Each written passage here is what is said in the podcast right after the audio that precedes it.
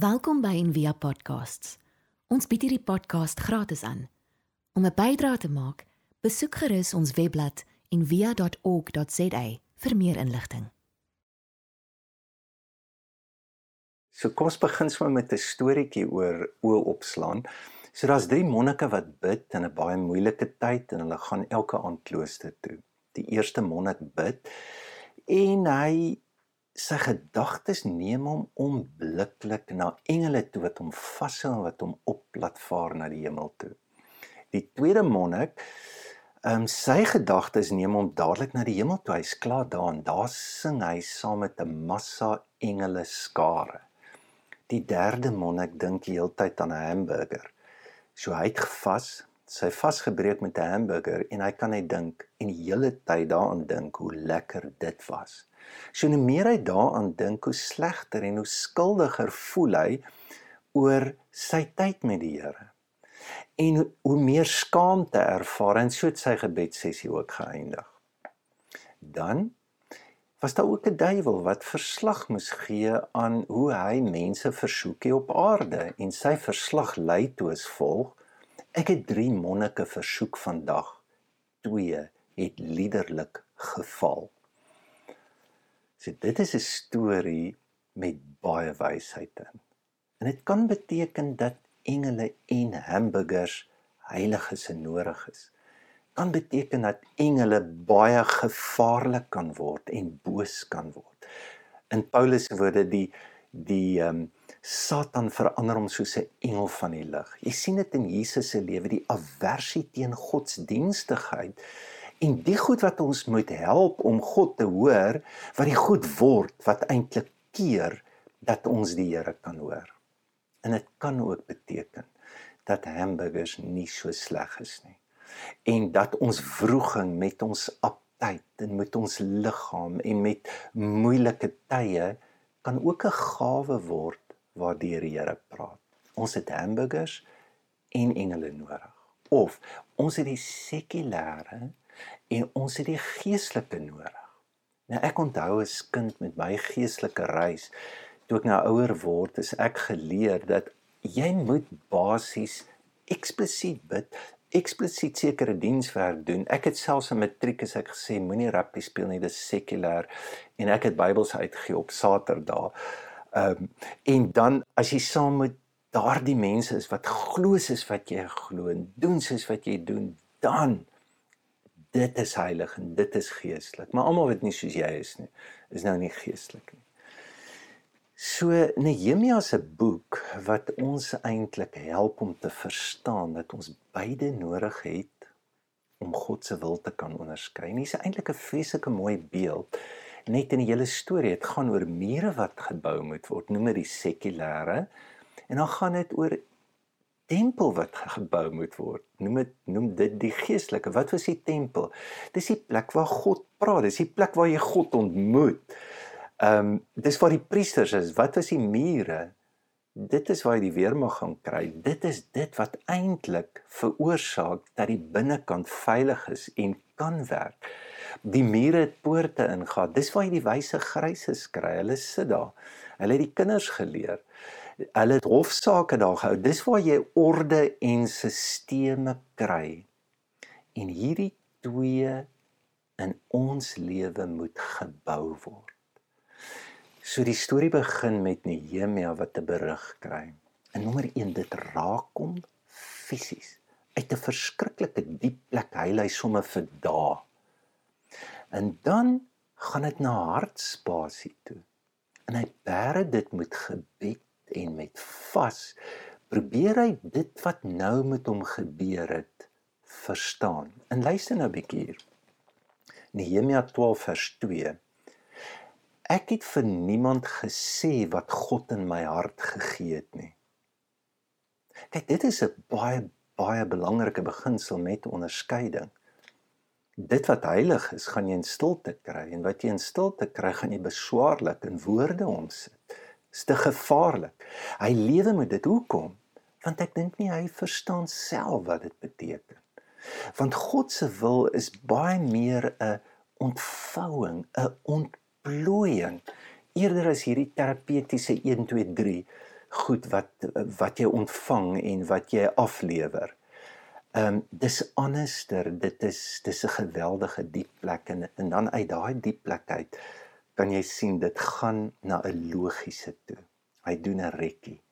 Hy hy doen navorsing, hy doen beplanning en binne dit onderskei hy die wil van die Here.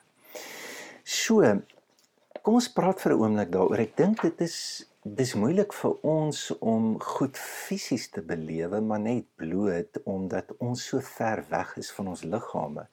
Jy weet jy hoor baie keer die woord oor jy moet net na jou hart luister of gebruik net jou gesonde verstand. Bitter min mense gaan vir jou sê hoor jy luister net na jou liggaam. So die storie begin by dit en, en, en ons is weg, ver weg van dit. 'n Hartspasie word gebou in afsondering, alleen en in tyd. Ons het dit nie. Ehm um, dit is nie Dawid hy bid nie. Dis maande wat dit neem om hierdie ding wat hy vir niemand sê, die ding wat hy dra, God se wil vir sy lewe te verstaan. En dan ja, ons is baie goed met die kop goed. Ons neem vinnig besluite, maar daar's 'n groot probleem met dit want dit kom nie uit 'n diep plek uit nie. Nou een van die groot besigheidsgurus, ek dink dit was George Peters wat gesê het, jy weet 'n premoderne tyd Mense het so besluit, jy het kom aan lê, jy het gemik en jy het geskiet. Met die industriële revolusie met die moderne tyd, jy lê nie meer aan die asse tyd, jy mik en jy skiet. Maar die tyd waarin ons lewe, is dit net skiet, skiet, skiet, skiet, skiet, skiet, skiet. En ons koppe is so geprogrammeer.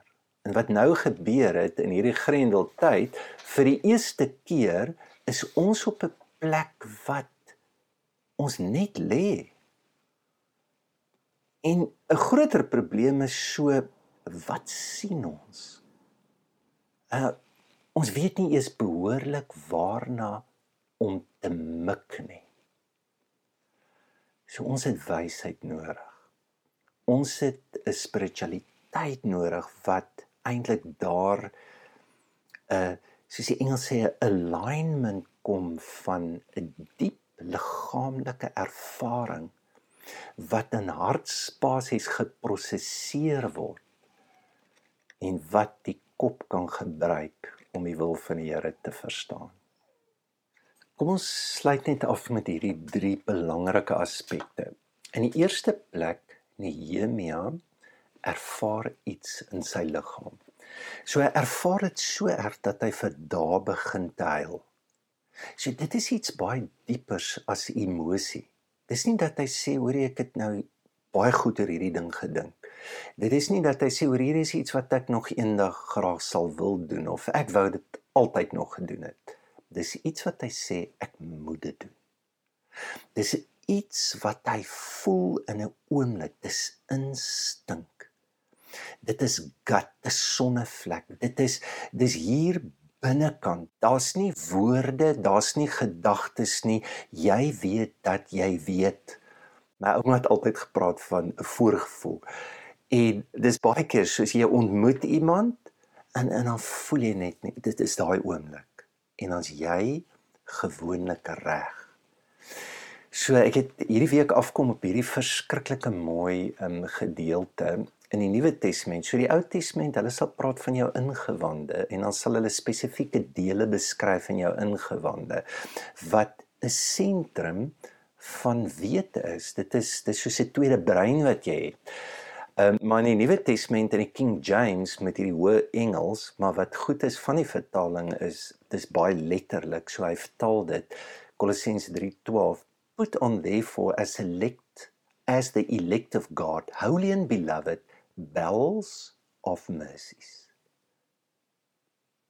So jou empatie kan ook kom uit 'n ander plek, uit sentiment, uit mooi gedagtes, uit voornemens.